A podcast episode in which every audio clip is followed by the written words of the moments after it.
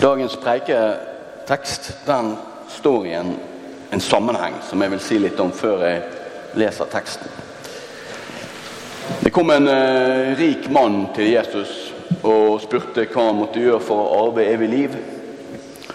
Og så eh, snak, får de en samtale der om å holde alle budene og, og sånne ting. Og denne rike mannen han eh, sier at jeg, eh, jeg har holdt alle budene, så jeg er innafor. Så sier da eh, Jesus til ham Flott. Så gå og selg alt du eier. Han var veldig rik. Selg alt du eier, og kom tilbake igjen og følg meg. Så står det at uh, denne rike mannen han uh, gikk bedrøvet bort og kom ikke tilbake. Og så sier Jesus til disiplene sine det er like vanskelig for en rik å komme inn i Guds rike som for en kamel å gå gjennom et nåløye. Og da er det at uh, disipler stiller dette, eller Peter stiller dette spørsmålet til Jesus. Det står i Matteus evangeliet. Peter tok til orde og sa, 'Hva med oss?' Vi har gått ifra alt og fulgt deg. Hva skal vi få? Jesus sa til dem, sannelig, jeg sier dykk, når alt skal fødes på nytt, og menneskesonen sitter på kongstolen sin i herligdom, da skal det òg, som har fulgt meg, sitte på tolv troner og dømme de tolv israelsstammene. Og alle som har forlatt hus eller brødre eller søster eller far eller mor eller barn eller åkrer for mitt navns skyld, skal få det att hundre ganger og arve evig liv. Men mange som er de første, skal bli de siste, og de siste skal bli de første. Slik lyder det hellige evangeliet. Jeg syns det er det er flott det Jesus sier. Det med at de siste skal bli de første, og de første de siste. Jeg har et eksempel fra virkeligheten som omhandler akkurat dette. Det var Jeg spilte fotball når jeg var guttunge. Og jeg var, eh, jeg var ganske god, sånn, for å si det sånn mellom oss. Um, og jeg var blant de som alltid var etter ballen. Jeg var der det skjedde på banen. Og så hadde vi én på laget. Han var uh, elendig. Mm. Når han var på banen, så var han mer opptatt av å Vi spilte på grus den gangen. Han tegnte i grusen. Og, og han plukket blomster, eller det var ugress da på banen. Og, og holdt på med det der. Og det var sånn at treneren han holdt alltid igjen med å sette inn på han her karen. Og han hadde ventet lenge, treneren vår, med å sette han inn. Det var 0-0, og vi knivet og kjempet for å vinne. Og så måtte han sette inn på denne karen her på slutten. Og i tumultene, der alt skjer med ballen, og denne gutten han er langt unna og holder på med sitt helt på andre siden av banen, langt vekke fra ballen. Og I tumultene der så skjer det at ballen blir spent opp i luften og havner ned rett foran denne gutten. Han står like ved mål, og så roper de fra sidelinjen Skyt! Og han smeller til. Ballen skyter fort, går opp i krysset og rett i mål. Selvmål.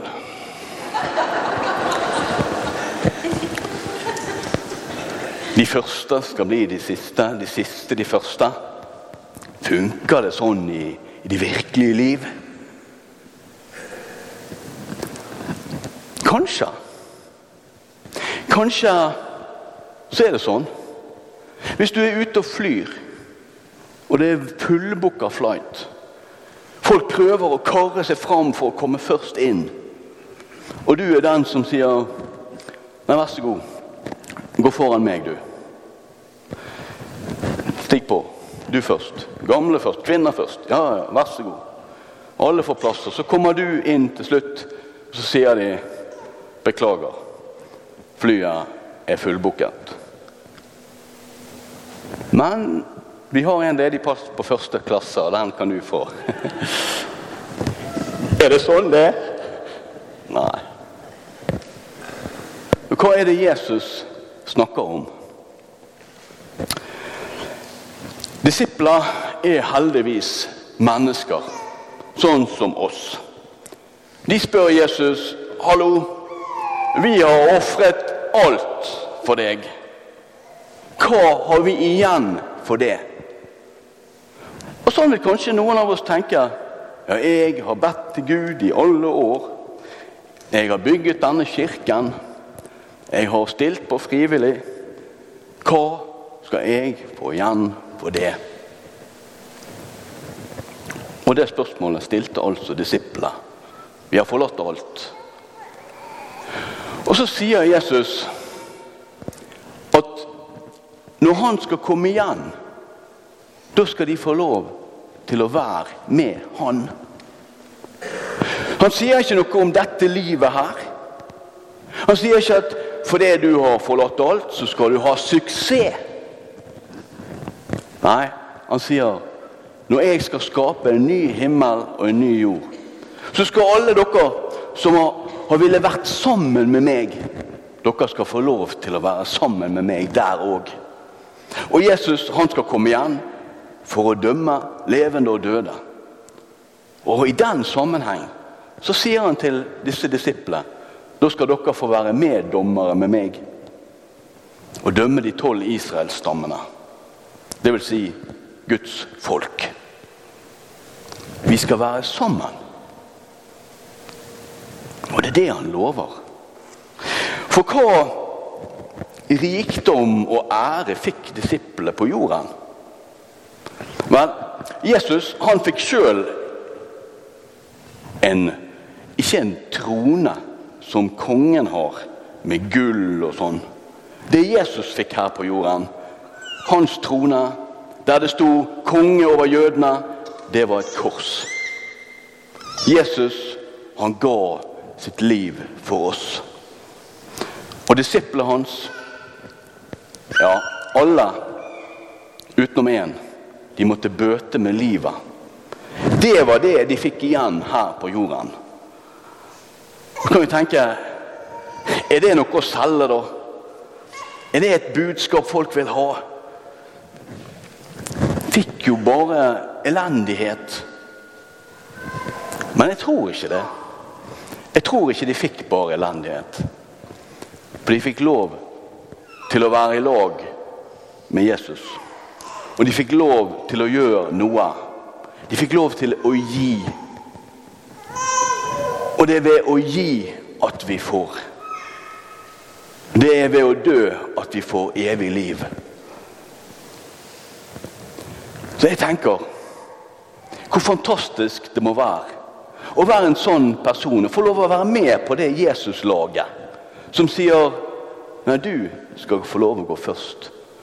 Nei, du skal få lov. Jeg skal bøye meg ned for å løfte deg opp. Jeg tror det er det Jesus søker. Det er det han vil ha med seg. At vi som medmennesker, kirkelyd, at vi er med på å løfte opp de svake, de små de som ikke klarer sjøl. Og Derfor er det vi sier at Storm, han er størst i Guds rike. For han kan ikke gå sjøl. Han kan ikke prestere sjøl. Han blir båret av kjærlighet. Så kan vi òg være med og bære hverandre. De som er i kirkelyden, i familien, i samfunnet bære hverandre fram. Og det er det som gir glede. Det er det som gir styrke. Det er det som er suksess.